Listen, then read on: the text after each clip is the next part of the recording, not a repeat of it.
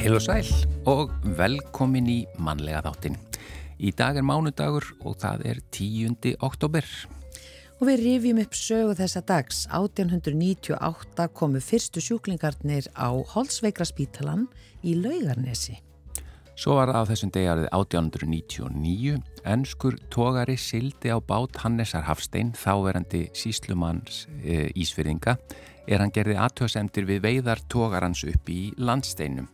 Hannes bjargaðist naumlega við annan mann en þrýr fórust. Í Jemin. Miðbæðaskólinn, hann var vigður við tjörnina í Reykjavík á þessum degi, á þessum degi 1908. Sjómannaskólinn var výður á Rauðar árholti á þessum degi árið 1945. Á norður og austurlandi sást mikill fjöldi glóandi loftsteina svo kallaðara vígannatta á þessum degi 1946 og taldi fólk á kópaskeri um 400 á 20 mínútum. Þetta er mikið sjónarspill. Já, auður auðuns tók við ennbætti dóms og kirkjumálar á þeirra á þessum degi eh, fyrst Kven, fyrsti kvenn ráð þeirra á Íslandi á þessum degjari 1970. 1972 Helgi Hósearsson sletti skýri á alþingismenn við þingsetningu, ekki í einaskiptið. Nei, Norranna eldfjallastöðin var formlega opnuð í Reykjavík á þessum degjari 1974. Og Smáralind, vestlunamiðstöðin í Kópavogi, hún var tekinni nótkun árið 2001. Já, og svo var það þessum degi árið 2006 sem að landsbankin kynnti iSafe, nýja þjónustu netinnlandsreikninga fyrir viðskiptavinn í Breitlandi. Já, um helst uh, ekki mun eftir því, en, en uh, við þurfum það. Og að því minnst á Smáralind, ég manna það, var, uh, það voru tveir krakkar, mm? strákur og stelpa, Smári og Linda, minnum ég, sem kliftu á borðan. Nú, ef ég man þetta rétt. Sem voru saman, samanlagt eh, nafnar. Já. eða nöfn já, hvernig sem maður strengur, drengur og stúlka. Mm. nöfnur, nöfn, já, já. Þið viti hvað ég á já, já, Gunnar hættu nú. Já, já en við ætlum að gera eitt og annað í þessum þætti og fáum hingað eh, til okkur góða gesti Það er bleikur oktober og í tilefni af honum er Ímis dagskrá í gangi og verður út þennan mánuð. E, á morgun verður kröftu kvennastund í yðnó og þar koma fram konur sem ætla að deila sinni reynslu, hvert að sækja sinn styrk og hvernig þær hafa tekist á við áskoranir, hvort sem er í starfi eða í personulega lífinu. Og Hulda Bjarnadóttir, fórseti Gólsambands Íslands, fjölmjölarkona og fyrrum framkvæmtastjóri Krafts, Hún e, greindist með brakkaginnið og hún létt fjarlæga brjóstinn og eggjastokkana í kjölfarið af þessari greiningu. Og hún ætlar að koma hérna til okkar á eftir og, og segja okkur frá. Já, uh, við fáum nýjan vingil uh, frá Guðjánu Helga Ólafsinni, þar sé að píslanir hans, hann kallar þá vingla og í dag ætlar hann að bera vingilinn við bankastarfsemi í víðu samhengi eins og hann orðar það. Og svo er það lesandi vikunar. Já, í þetta sinn er það rítöfundurinn Bræi Ólarsson. Það er að koma út ný bók eftir hann sem við fáum hann til að segja okkur svona aðeins frá en svo ætlum við auðvitað bara að fá hann til að segja okkur hvað hann hefur verið að lesa undanfarið og hvaða bækur og höfundar hafa haft mest áhrif á hann í gegnum tíðina. Já, og það er, já, við getum ekki að sagt að það sé gott veður á landinu öllu í dag en hér e, í höfuborginni er svona smá sólarglenna sem við ætlum að illja okkur við já. og við ætlum að senda öllum öðrum landsmönnum e, hlýju með þessu lægi hér sem heitir Sólarsambá er eftir Ásker Áskjesson en það er Rebecca Blöndal sem syngur.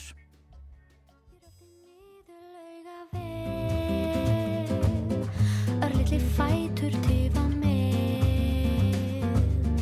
samtími samliða við svíum í takt við sólaljósin söngu í dag þú dillar dansar með í blíðunni. Skundar við gerum okkur gladandar í letri sveiblu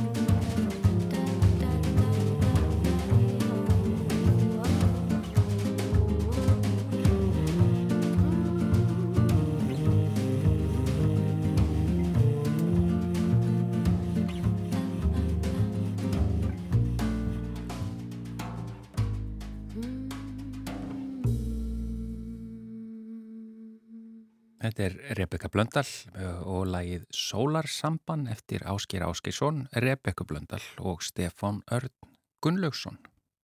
Já, í tilefni af bleikum oktober þá stendur kraftur stuðnisfélag fyrir ungt fólk sem greinst hefur með krabba mein og aðstandendur fyrir viðburðinum kröftu kvennastund í yðnó á morgun þriðudag.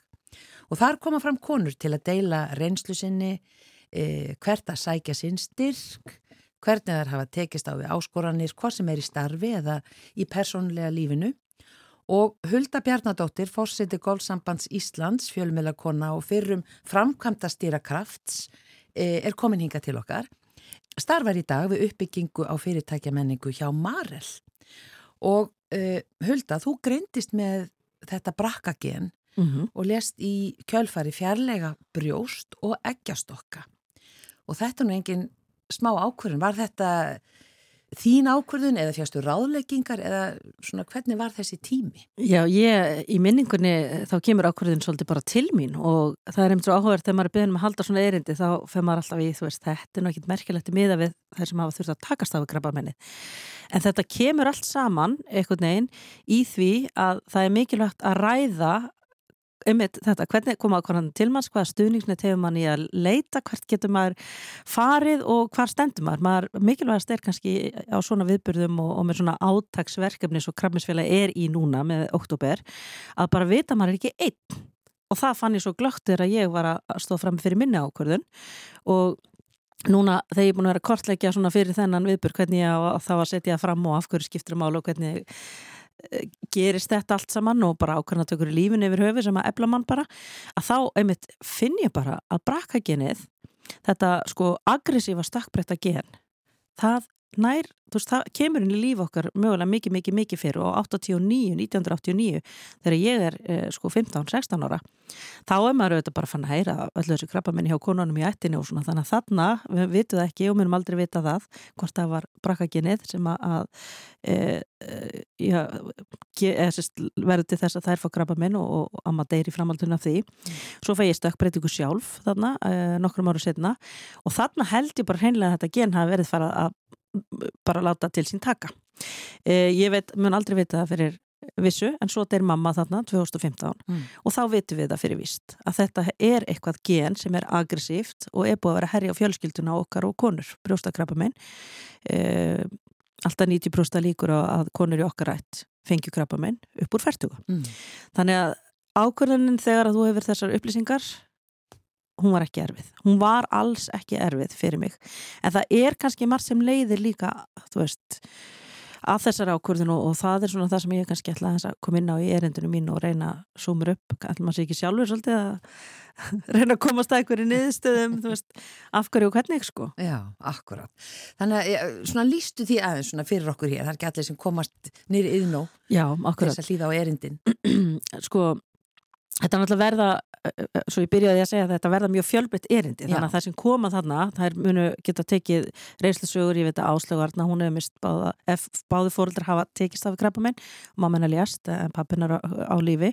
Og svo er Bára og Brian og Tinna Ósk, þær hafa sjálfa verið að takast á við e, krabba minni, þannig að við ætlum að koma með þetta frá ólegum vinglum. Uh, ég lendi sjálf í svona reynslu á úlingsárunum sem að verði þess að það verði mikil öðramöndun á mínum líkama og svona á bakinu að þeim, uh, þú veist, þannig að ég hef búin að vera takast á við það sem að margar sem að gangi gegn krabba minn takast á við, þú veist, maður verður óbúslega feimin og þetta skiptir rosalega miklu mála á okkur tímapunkt í lífiðinu, það er erfitt að vera takast á við öru og, og þóra að fara í sund og allt þetta, mm.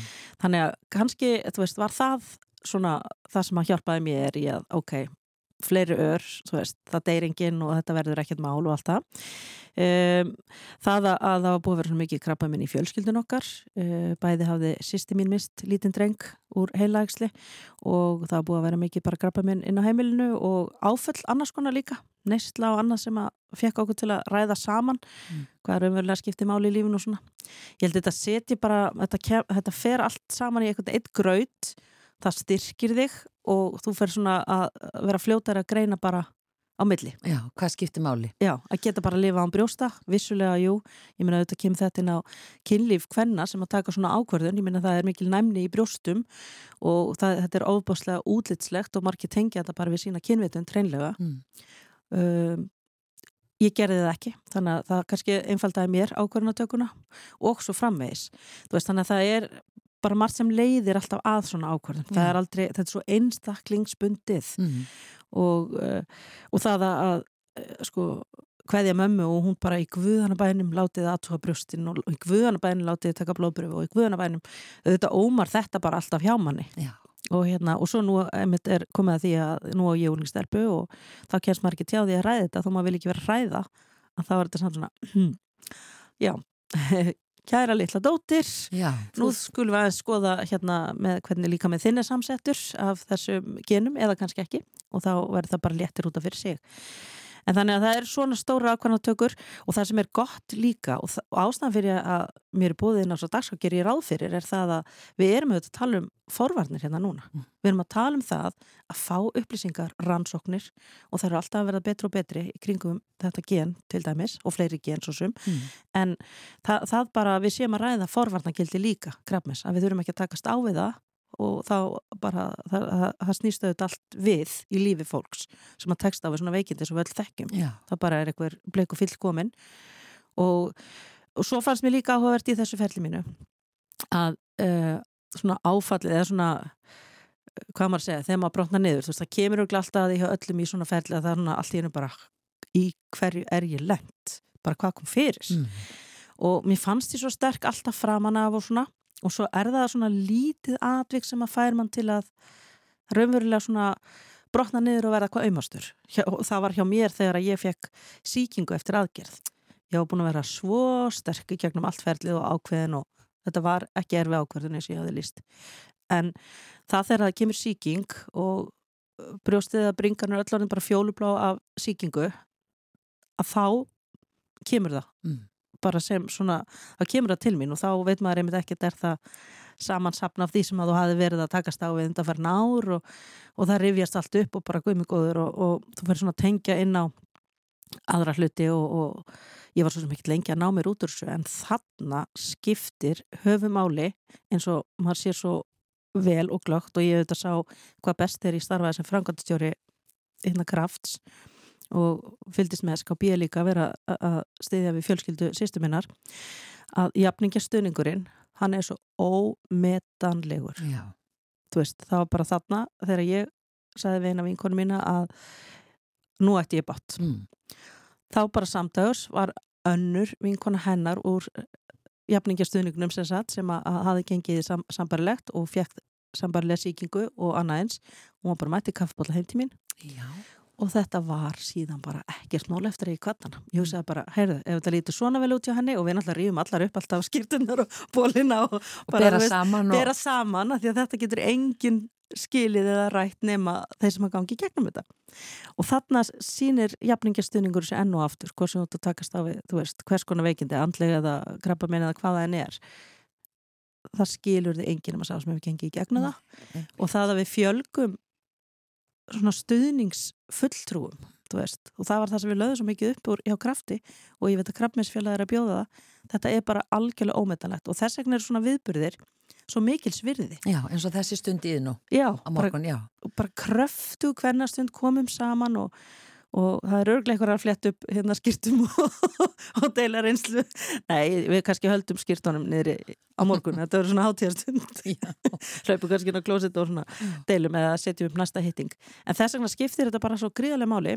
Og líka það að hafa gaman og lefa kaltæðin að koma í gegn og hlæja saman og, hérna, og tára saman þess vegna og svona, þetta er bara svo öflugt að finna kröftugt tengslanir til kringu sig. Já Alveg, algjörlega og skiptar algjörlega sköpum eins og þú segir að fá þarna til inn ykkur konur sem, sem hefur þessa reynslu líka og þekkir þetta af eigin raun.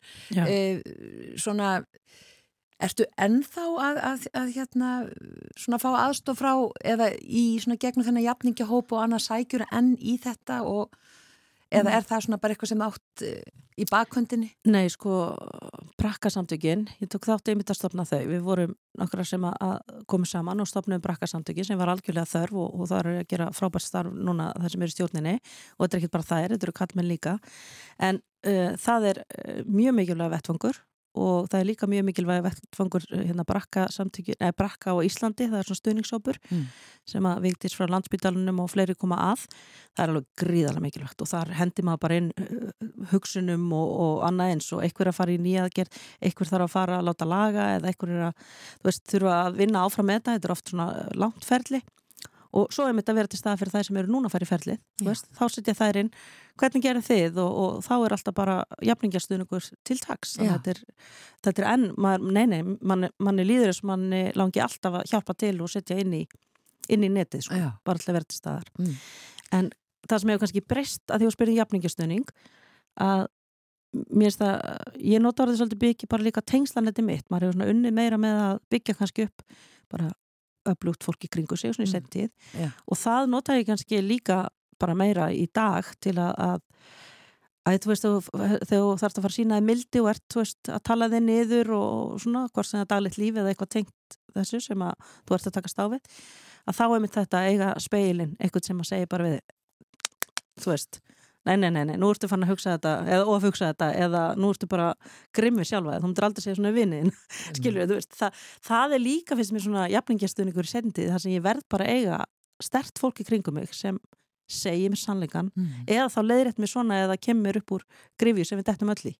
Við erum fann að berja okkur alveg stanslöst niður þá þarf eitthvað líka stundu til að segja bara nei, nei, nei, nei, nú skulum við aðeins hérna, Nú skulum við móka okkur upp aðeins. móka okkur upp og vera góð við hvort annað og, og minna okkur á að, að þetta er nú ekki alveg svona kannski ómögulegt og þú ert ekki svona ómögulega ómögulegur og allt það Já, akkur. maður er að setja verkværin í kistuna skulum við segja og það hefur ekkert komið að sjálfu sér og, og, og ég ætlaði svona að koma inn á því erindinu hvernig maður hefur verið að vinna að bara sjálfshjálp þú veist, úr, úr það er til svo frábær samtök líka, ég hef notið líka Alanón og er meðvirknin sem ég er vissulega líka til staðar í ermiðum veikindum.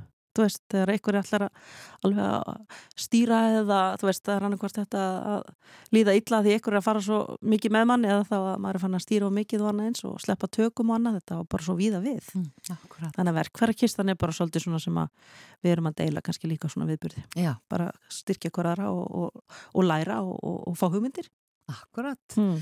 Ekki spurning, þetta skiptir uh, svo miklu máli. Kæra þakki fyrir komuna í mannlega þáttin Hulda Bjarnadóttir, fórsiti Golfsambands Íslands og það er þessi, um, hvað ég sé, uppákoma á morgun, það er viðburður, kröftu kvennastund í yðnó. Já, Klukkan er það ekki fimm? Jú, klukkan 5 á morgun til hálf 8 og ég veit að það eru, það er náttúrulega fundastjórnir Ingileg Friðriks og Marja Rutt, barátukunnar okkar réttindabarátunni og fleira. Þannig að það verður líka mikið leið, mikið gaman. Hvernig bara alltaf að koma. Frábært, takk fyrir. Takk.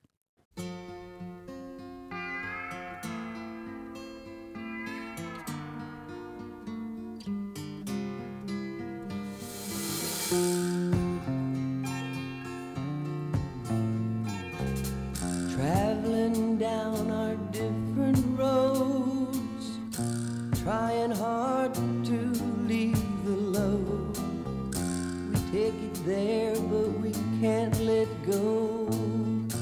It's so hard to lay it down. Back in Eden, we were tried, found ourselves dissatisfied seeking wisdom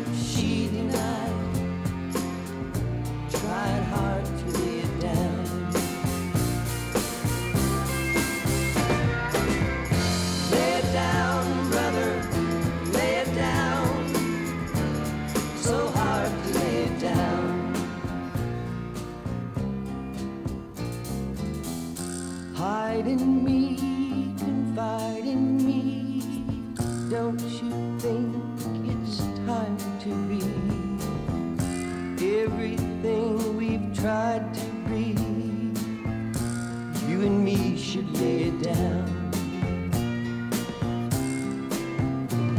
So speak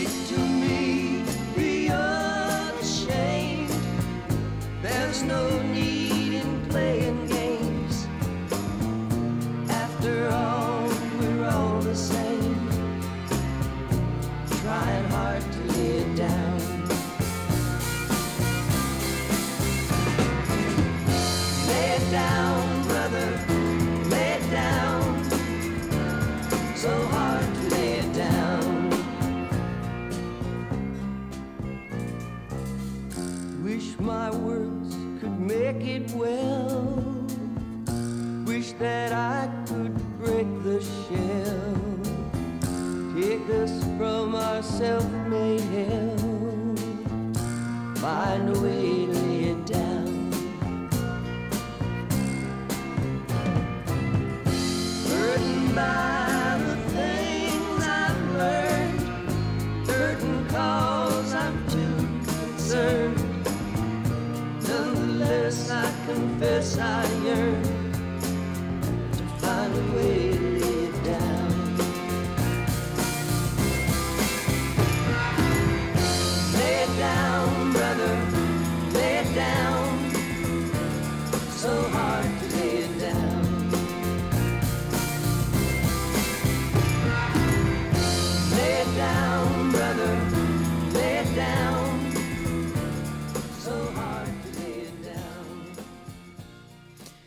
Eru Everly Brothers sem þarna fluttu lag sem heitir Lay It Down og þeir eru nú báðir látnir, blessaðir, kallanir. Já, og gríðarlega voru gríðarlega áhrifa miklir þar að segja mikið af tónlistafólki sem hefur orðið fyrir áhrifum aðum og e, svo ekki sér talað um okkur bara hlustunna að fá að hlusta á þetta og Það- njóta. Já, það er til e, svona mm, einn duett í dag sem eru tveir, tveir e, ungir kallmenn sem eru að syngja og leika mjög í þeirra anda. Mér minn er að duett heitir Kaktus, Já, Blossom eða Blossom Kaktus eða eitthvað, eitthvað slíkt. við maður finna það og Við spila. finnum það og spilum það. Það er komið að vinkli frá Guðjóni Helga Ólasinni, hann kalla pislana sína vinkla og í dag ætlar hann að bera vinkilinn að banka starfsemi í víðu samhengi.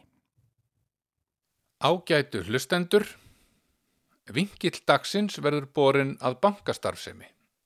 En áður en við hefjum leika er rétt að það komi fram að sá sem hér mælir hefur í sjálfu sér ekkert vit á bönkum en hefur nýtt sér þjónustu þeirra.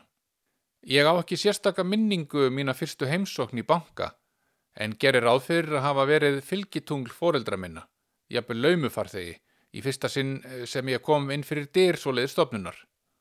Þegar ég fór að muna eftir mér var banki einhvers konar salur, þar sem fólk beigði röð eftir afgreðslu, er fór fram í básum eða stíjum sem mynduðu nokkus konar vegg er skildu á milli þeirra sem veittu þjónustu og þáðu hana. Ef ég mann rétt var glerplata á milli gjaldkera og viðskiptavinnar og náði hún ekki alveg niður að afgreðsluborðinu sem var gott því bankaheimsóknir virtust mér aðalega snúast um að annar aðilinn rendi einhverjum brefum undir glerið og talaði. Svo kom stutt þögn á meðan hinn las og litu þá báðir niður. Þá var brefinu stungið á milli kepla í valsi fyrir innan borðið, þrista á nokkra nappa og snerust þá keplin með þeim hætti að brefið færðist til eða jafnvel kvarf, en byrtist síðan aftur þegar þrist hafi verið á fleiri nappa en fastast og snegst á þann síðasta. Nú litu báðir upp og töluðu svo lítið saman í gegnum kringlótt gata og aðskilnaðarglerinu. Gjaldkeri opnaði skuffu og reytti einhverja miða upp úr henni og rétti þá undir glerið. Viðskiptavinnurinn tók svo við miðunum og leitt snögt á þá, náði sér í veski úr vasa eða handtörsku og létt þar. Á þessum árum þótti alveg sjálfsagt að reykja síkarettur við allar meiri og minniháttar aðtapnir og heimsóknir í banka voru þar alls ekki undanskildar. Ég vona að menn hafi ekki stundað mikið að blása reik í gegnum samskiptagatið á aðskilnaðarglerinu nema í undantekningar tilfellum. Í bankarum var líka bísna skemmtileg vél sem taldi peninga. Það var gaman að fylgjast með henni. Vélinn taldi reyndar ekki brefpeninga eða miðapeninga, heldur einungis mynd, sem langt flestir kalla nú bara klink eftir hljóðinu sem kemur þegar hún lendir í hrúgu af félögum sínum. Nú er orðið langt síðan ég sá myndtalningar vel síðast, en með minnir að gjaldkeri hafi held peningunum í trekt á henni efst, hvaðan þeir rulluðu og mynduðu röð er vísaði skáhalt og lárétt niður á við, en röðuðu sér sjálfkrafa lóðrétt eftir þyngd um leið og þeir runnu hjá. Sjálfsagt eru svona græjur enn til og í nótkun, því myndpenningar eru víða notaðir og eru enn svo kallaður lögeirir ásand með seðlunum. Heldur þykir nú gamaldags að nota eingöngu seðla og klinki viðskiptum nú á dögum, jafnvel tortryggilegt, sérstaklega ef um starri upphæðir er að ræða. Nú þykir best að afhenda ósýnilega peninga sem endur gjald fyrir vörur og þjónustu. Fyrir þá sem enn hýrast í raunheimum og vilja geta snert peningana sína, geti upplýst að ósýnilegir peningar eru sagðir til í alvörunni. Þeirra sjálfsögðu gemdir á ósýnilegum stað, kannski fjórðuvítinni, og eru þar í misjaflega stórum rúum eftir stöðu efnahagsreiknings viðkomandi hverju sinni. Og svo er bara einhver sem mókar á milli hauga og Ferguson 35 þegar að viðskipti fara fram. En til að halda utanum eignir manna og skuldir þurfa enn að vera til bankar, hvað svo sem framtíðin kann að bera í skauti sér. Við getum sjálf talið klink og bleðla upp úr veskjum okkar, handtörskum, gallabugsnavösum og öskubökkum bifriða, en bankarnir þurfa að halda utanum ósýnilegu peningana og skuldirnar. Við getum svo tala við starfsfólkið í bankanum okkar til að fá nýjustu fréttir af stöðunni eða til að þykja þjónustu þeirra varðandi önnur skild mál. Nútíma tækni býður auðvitað upp á þann möguleika að menn höndli þetta sjálfur að einhverju leiti með fyrirbærinu heimabanka og sakna sumir hinn að gömlu góðu daga þegar gjaldkerar og þjónustufulltrúar sáu um þessi samskipti, en aðrir taka tækninni fagnandi og vilja alls ekki snúa tilbaka. Þó að ég sé ekkit sérstaklega minnugur maður, sumir vilja jafnvel meina að ég munur hent ekki neitt, get ég með töluverðri nákvæmni rakið fyrsta símtali sem ég var vitni að til banka. Í þá daga var ekkert verið að ringja í bankan í tíma og ótíma, maður var bara að fara þanga og standa í röð eins og hinnir, það var engin flíti meðferð í bóði. Ég ringdi ekki sjálfur í bankan í þetta skipti enda ekki farin að stundan einn viðskipti og var því bara áheyrandi. Sá sem ringdi í bankan var Ívar Örn Gilvarsson, æskur vinur minn, kurteis og hugaður æfinlega sem hann er og þölvanur að ringja í banka, ég fann það strax og símtalið hófst. Enda brá honum ekki svipni bara strómur. Ég mun nú lesa fyrir ykkur símtalið orðrétt, en það hljómaði svo. Halló, get ég fengið að tala við Sigurlínu Guðmundsdóttur? Ég heiti Ívar Örn. Takk fyrir. Hæ, þetta er Ívar. Já, við erum bara heima. Guðjón Helgi er með mér. Já, já, við erum búinir að læra. Megum við ekki fá okkur keks? Ok, takk mamma, bless. Til útskýringar að þá var lína mammans Ívars að vinna í landsbankanum á Selfossi. Til hennar var ekki beint samband og þess vegna þurfti að ringja í skiptiborðið og byggja um viðtal. Svona var þetta nú fyrir dagars njálsíma og við lifum þetta báðir af. Árið var 1979 og við félagarnir fórum gangandi um allt eða á reyðhjólum sem ekki höfðu gýra og alls ekki dempara en oftast böglabera og ljósa framann sem fekk aflsitt frá dínamóer framdekkið sneri og lísti þeim munskærar sem hraðar voru tróðnir petalar. Þá voru raflöður munaðarvara og talið miklu gáfulegra að fá afl til að knýja reyðhjólaljós úr lærföðum heldur en úr kjarnorkuverum fjarlægra landa. Hvað varðum þá hugmynd, spyr maður sig fjórum áratugum síðar. Ferðalögum á reyðhjólum fylgir almennt séð ekki annar háfaði en niður hjólbarða og kleður drifkæðinar þegar hún rennur yfir tannhjólinn, en við félagarnir höfum alltaf verið hrypnir af vélbúnaði og áttum það til að festa eitt spil úr spilastokk með þvottaklemmu við stel reyðhjólana þannig að hver teitn í hjólinu bjóð til svo litinn smell. Þannig mátti með góðum vilja ímynda sér að um mótordrifi hjól varið að ræða. Vissulega frumstætt og eigandi spilastokksins ekki alltaf hress þegar að vanta í bunkan, en skemmtilegt. Við Ívar áttum auðvitað ekki debetkort árið 1979 og vorum almennt ekki uppteknir af fjármálum þá, en það margt annað skemmtilegra á dagskráni. En einu sinni fundum við svo lítinn fjársjóð í formin okkur að smápenninga á gangstétt. Þá reyndi auðvitað á hversu vel við höfum tekið eftir í reikningstímum hjá Jónu Hannesar og fundum fljótlega út að það myndi borga sig að fara í Siggabúð á Östurveginum og máta nýfengið auðmagn við verðmiðana í hillunum þar. Ég held að við höfum skoðað nokkurn veginn allt í þeirri verslun úr því við vorum komnir þangað um langan veg en niðurstaðan var að kaupa eina flösku af góstryknum Citrón. Sá drykkur var alveg úreltur og hverki nokkur staðar til sölu þegar þarna er komið sögu. Svo liti grams á botni flöskunar meira segja sem benti til þess að þarna væri jafnvel um fordleifar að ræða. og gott ef að bragði gaf það ekki til kynna líka. Ég get með góðri samvisku sagt að sítrón hef ég ekki bragðað í annan tíma og sakna þess eiginlega ekki, en mögulega eiga hlustendur aðrar og betri minningar tengdar þessum fortíðar drikk. En svona er þetta nú. Ég er ekki nógu gamall til að sakna þess að standa með bankabók í byðröð til að láta lemja í hana tölur með ritvél. Jafnvel þó að mér byðist að keðjureikja síkarettur og södra sítrón á meðan. Sumt er bara miklu betra í dag. Góðar stundir.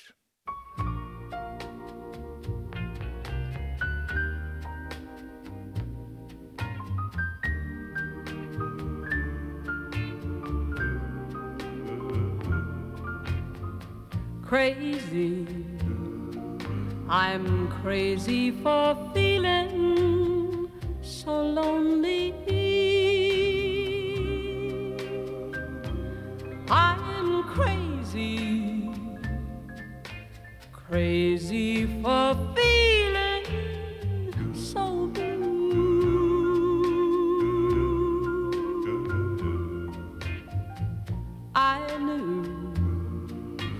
you'd love me as long as you wanted. And then someday you'd leave me for somebody new.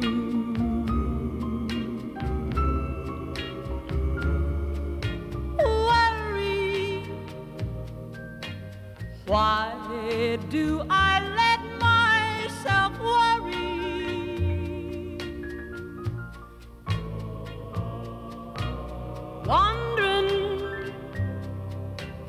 what in the world did I do? Oh, crazy for thinking that my love could hold you. I'm crazy for trying and crazy for crying, and I'm crazy for loving you. Crazy for thinking that my love could hold you. I'm crazy for trying and crazy for crying, and I'm crazy for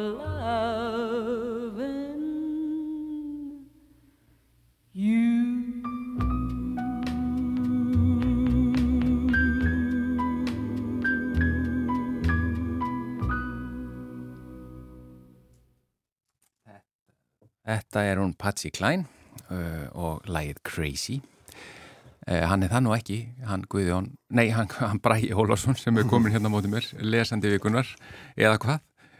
Uh, er ég? Já. Nei, nei, nei, ég nei. allt að mér þannig. Ég er að reyna að búa til einhver svona tengingu úr en, En fínt, fínt lag, einhvað síður, sko. Já, mjög gott lag. En takk fyrir að vera lesandi vikunar Bara takk fyrir bóðið. í þetta sinn og við hérna, það er nú áhugavert að koma bók ný eftir þig. Mm Við erum ekki að fara að tala um hana en viltu samt segja okkur aðeins frá henni? Bara núna. Já, hún er að koma út núna bara eða ekki eh, um mánuðamótin, hvað svo leiðis? Uh, jú, jú, þetta er, þetta er í rauninni stutt, stutt skaldsaga og, og svona í uppbyggingu svona nóvela eða stundum finnst mér eins og sé löng smásaga eða, eða maður veit ekki hvað maður kallar það. En þetta er svona bók sem að ég var með svona í, á hugmyndastígi uh, og var búin að vinna langa sögu sem að ég svona laði til hliðar hún í februar síðastlinum. Uh, ég kannski kem aðeins að því tengslum við eina bókina sem ég er að lesa hérna, en, en hérna, jú, þetta er, sem sagt, jú, þetta er lítil saga sem að notar, ég nota karaktera úr fyrri bókum Já, sem ég hef gert aftur og aftur uh, hérna, og fjallar um fjallar um ljóðskald sem að uh, í einni eh, sagt, eldri skaldsögu minni sem heitir Handritið í stýttir útgáfu já, um, ljóðskald sem heitir Svanu Bergmundsson sem verður fyrir því að Ólan er að, að drepa mann af, af slisni já, eða svona halvri slisni og, hérna, og ha- hann sem sagt ég tek upp tráðinn það sem frávar hálfið eftir hann, hann er búin að setja inn í fangilsi já, já. og mér langaði til að sjá hvernig hún reytti af eftir það Eldir hann óhefnin ennþá eða? Já, ég get, ljós ég get bara sagt að þessi bók svona, hún fjallar aðeins um endurtekninguna Já, já. Býtu og titillin þú sagði mér aðan? Já, hún heitir Gegn gangi leiksins sem er, sem, að, sem er oft notað svona í, í fótboltamáli Einmitt. en það kemur þessi saga mikið inn á fótbolta Já, já. fótbolta og ljóðlist Mjög áhugavert og kemur út svona um það byrju um mánaðamót. Já, ekki sluðis Já. En vindum okkur yfir í bara þig sem lesanda. Hva, ertu, þú vantarlega lest þá mikið. Hvers slags bókmyndir? Já, ég les um, kannski, jú, ég les mjög mikið ég les um, svona á setni árum, ég veit þetta er svona þegar, mennur komnir á svona minn aldur þá er þetta yfirleitt svona viðkvæðið að, að það er minni skáldskapur á borðinu en meiri einhvern veginn svona annað efni en, en til dæmis það vill bara svo til að þessar fimm bækur sem ég tók með núna sem ég þykist þér að lesa uh, að það er engin af þeim skáldskapur Ó. og eða ekki svona, ekki beint en hérna en nei, það er Þannig að sko, þú getur skrifað undir þessa kenningu. um, já, ég vil samt ekki alveg sko, viðkenna þetta en, en hérna, því að ég les ennþá mikið af skálsköp en, hérna, en það er stundum svona sem, það er oft þegar ég er að skrifa þá náttúrulega er ég að lesa kannski bækur sem tengjast efninu sem að ég er að fjallum Já. og, og reynda að les ég svona almennt, ég les mjög mikið um tónlist Já. bæði klassík, jazz og, og, og rocktónlist eða bara alla tónlist og, hérna, og, og mikið af æfisögum Já. en, Vi- vi- Vindum okkur bara í þetta. Hvað ertu með hérna? já, uh, já, svona eina bókin sem að gæti kallast skaldskapur og hún er eftir uh, tekniska rítumundin Bóumil Hrapal sem ég hef lesið mjög lengi. Uh, og þetta er bók sem heitir Pirouettes, eða semst á ennsku Pirouettes on a Postage Stamp eða eitthvað skonar ringsnúningar eða dansbóra á, á postfrímerki. Mm og hann kallar þetta sem sagt eh, við, viðtals uh, skáldsögu. Og Já. þetta er í rauninni bara viðtal sem að einhver Laszlo Sigeti tekur við hann en hann vill kalla þetta skáldsögu af því hans bækur eru oft svona mörgum uh, svona uh, einhverja raunmjörulega eða svona uh, frásagnar af ykkur og, og síðan skálskapar Er þessi þá sem að tekur við hann viðtal, er hann kannski ekki til í raunveruleikunum? Jú, jú, jú, hann er til. það sko Já. Já. þannig að þetta er svona, svona förðulegur undirtitill að kalla þetta skáldsögu Já, að því hann er bara, Bóhumil Hrapal er þarna að fara gegnum líf sitt og áhrifavalda og, og svona bara ræðir sínar skálsugur um, ég veit ekki það kannski ekkert svo mjög margi sem að þekkja hann höfund hér, það, það var enda komið út tvær þýðingar. Einu eftir Þorgir Þorgirsson og, og síðan önnur eftir já, nú mann ekki Baldur einhvern held ég uh, Bóhumil Hrapal. Bóhumil Hrapal, uh, hann er svona það má kannski ekkur leiti segja hann sé svona uh, lærisveit Jaroslavs Hasek sem að skrifa þetta góða dáttan Sveig uh, svona hann, hann tekur svona svolítið upp uh, húmor uh, húmorinn þaðan og hérna og er svona í senn svona mjög alþýðlegur höfundur en, en byggir mikið svona uh, surrealismi til dæmis hafði mikið láhrif á hann og, og hann hann, hann, fer indar, hann fer aldrei út í svona reynan surrealismi eða, eða fantasíu heldur svona nýti sér element uh, úr, úr, úr þessari, þeirri reymingu hérna, og, og er bara já, einn af svona finnari höfundum sem ég þekki já. En er þessi, þessi bók, er hann að tala þá í þessu viðtali? Eh, Er hann þá að tala um bækur sínar og skáldskapin eða er hann að tala um lífsitt? bæði, Bæði, já. já, Já. og mikið sem sagt áhrifavald og sérstaklega þá já. og líka náttúrulega bara ástandið að vera reythöfundur í Tjekklandi eða Tjekkoslovakíu á, á þessum tíma hann sem sagt er hérna, hann, hvað, hann deyr kringum 90 hann deyr reyndar ásóldi svona hálsúrealískan hátt hann, hann er á sjúkrahúsi og, og hérna, er, að, er að gefa dúfum út um gluggan brauð og Mm. dettur Nei, yfir af fjórðu hæð og deyr vá. en hérna Þetta er ekki En- bara eins og úr bók. Já, hann hefði eflust sko verið mjög ánægð með hennan döta að hann vita af honum eða hann alltaf kannski vissi af Já, með hennan fjall en, en, en hérna en Nei, hann, þetta, er, þetta er bara svona, já, þetta, ég myndi segja að þetta væri svona einn, af þeim höfundin sem ég hef alltaf svona bakvið eirað þegar ég skrifa. Eh, Sko, að því mér finnst þetta áhugavert að hann setja þetta í undirtitil skáldsaga. Mm. -hmm. Lestu það einhvað út úr þessu, þessu viðtali eða þessum pælingum hans og, og minningum að hann sé eitthvað að skálda inn í eða Um, að því að maður getur alveg gert það Já, já, svona- ég, hérna, jú, ég held það sko að því hann, hann er endar sko, hann kallar sig, hann kallar hérna þessar skálsugu sínar, það er eitthvað, er eitthvað orð sem heitir palaver, sem að svona, er svona frásagnar einhvern veginn uh, raus eða, eða Já, svona, já. einhver, þetta er svona, uh, ég veit ekki hvort þetta er eitthvað sér teknest, en þetta er svona, hann byggir, uh, sko, hans svona einn helsta inspirasjón er, er uh, frændans sem að hann notar mikið í skáldsögu sína sem að var svona þekktur sagnaði eða sögumöður Mhm. gæti endalust hérna, velt upp úr sér sögum af fólki og, og sningilegheitum og þannig að hérna, það er svona það, það, það er svolítið hans stíl sko. Hann fer þá í það minnsta á flug. Já, og hann er mjög svona grimt oft og, og, og sérlega humorist Já, já.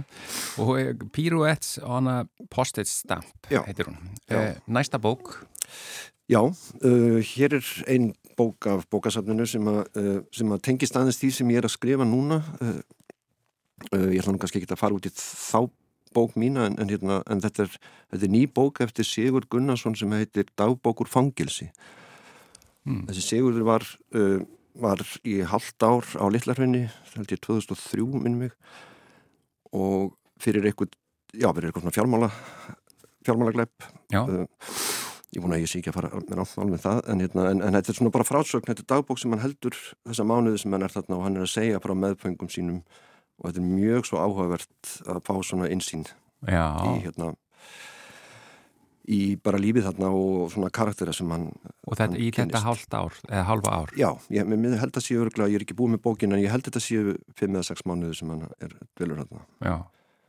og, og reyndar kemur þessi bók sem ég er að gefa út í haust hún kemur aðeins inn á fangilsisvist já, uh, og síðan þessi bók sem að ég er að skrifa núna uh, svona með annari reyndar hún kemur meira inn á, inn á, inn á að ég er svona að nota þetta sem smá heimild. Já, mjög gerður okkur enn en Já. þessu sem er að koma. Já, Eh, svo ertu með þarna einhverja rock, eða hvað, já, glam rock. Já svo hérna. Að því ég var að segja þér, ég les ansi mikið um músík. Já, og ég hef verið að lesa þetta er mjög þykk bók sem heitir Shock and Awe sem ég veit ekki hvort maður myndi þýða bara áfall og aðdáun eða lost og lotning eða eitthvað já, lost og lotning. Já, er eftir hérna músik uh, hérna, skrifend sem heitir Simon Reynolds sem hefur skrifað mjög fína bækur um, um hérna bara svona það aðalega svona já, rocktónlist síðustu svona kannski þryggja áratuga þryggja fjögra áratuga Mm.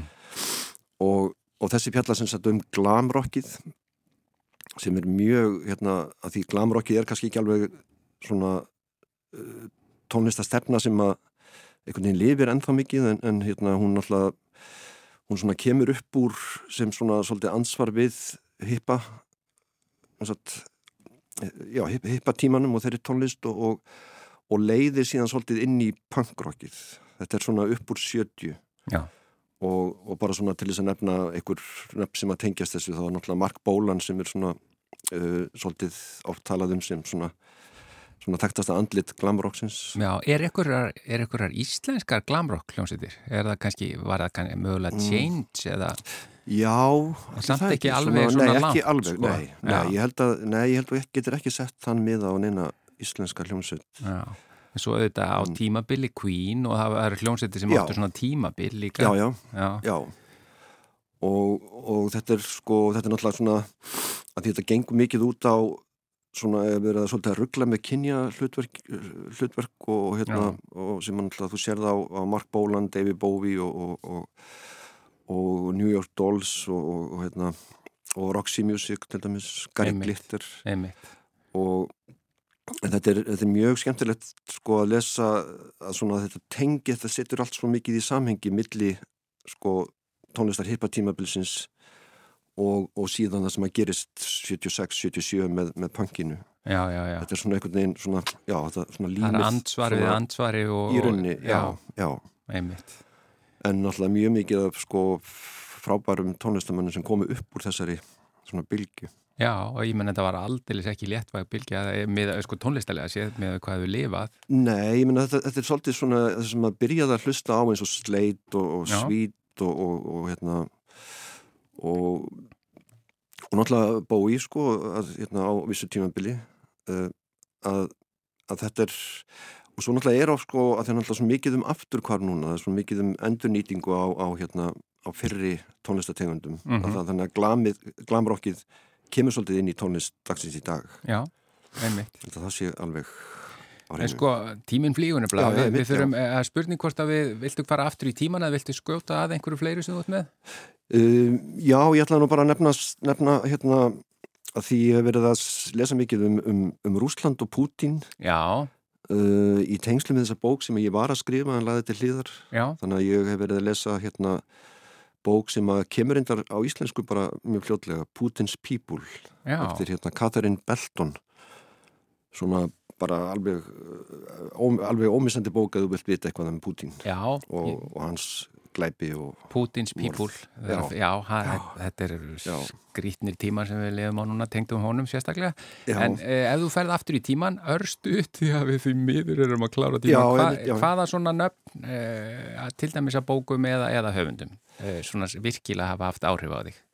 Já sko, bara því ég þarf að nefna þetta í einni setningu þá, þá myndi ég svona þá myndi ég segja uh, að þeir sem að hafa haft svona tveir, tveir höfundar sem hafa haft svona mest áhrif á mig ekki, ekki frá byrjun heldur svona í kringum kannski tvítusaldurinn er, er, er Harald Pinter Já, leikskaldið sem að, sem að einhvern veginn opnaði allt fyrir mér og í, í sambandi við að, að skrifa sjálfur ég tengi við það eftir að hafa lesið bækurna þinnar og, og, og leiki í leikrit eftir þig. Ég, ég sé tenginguna við Pinter. Já, já, þó, ég, hérna, þó að ég, sko, það, það er ekki margir snertipunktar á millokkar kannski en, en, en jú, eitthvað, svona, eitthvað undir, sko, kannski. Já, Og svo setna, uh, kannski Thomas Bernhardt, austuríski skaldsagnahöfundurinn og leikskaldið og ljóskaldið. já, Thomas Bernhardt sem að, uh, það kom út bók uh, hjá Bjarti Steinsteipa í þýðingu Hjalmar Sveinssonar fyrir cirka, já, 20 árum eitthvað sluðis og frábær þýðing og, og hérna og hún einhvern veginn bara ég hafði aldrei lesin eitt annað eins í, í, í prósa skaldskap og, og, og það, já, í, það er svolítið erfitt á þessu stutta tíma að fara að já. tjá sig eitthvað meira um þetta en Við verðum því miður að láta þetta duga Já, já. en Bræi Ólafsson þakka er innilega fyrir að vera lesandi vikunar og og þættin er bara lokið. Við þakkum innilega fyrir okkur. Verið þið sæl, verðin hér á sama tíma morgun.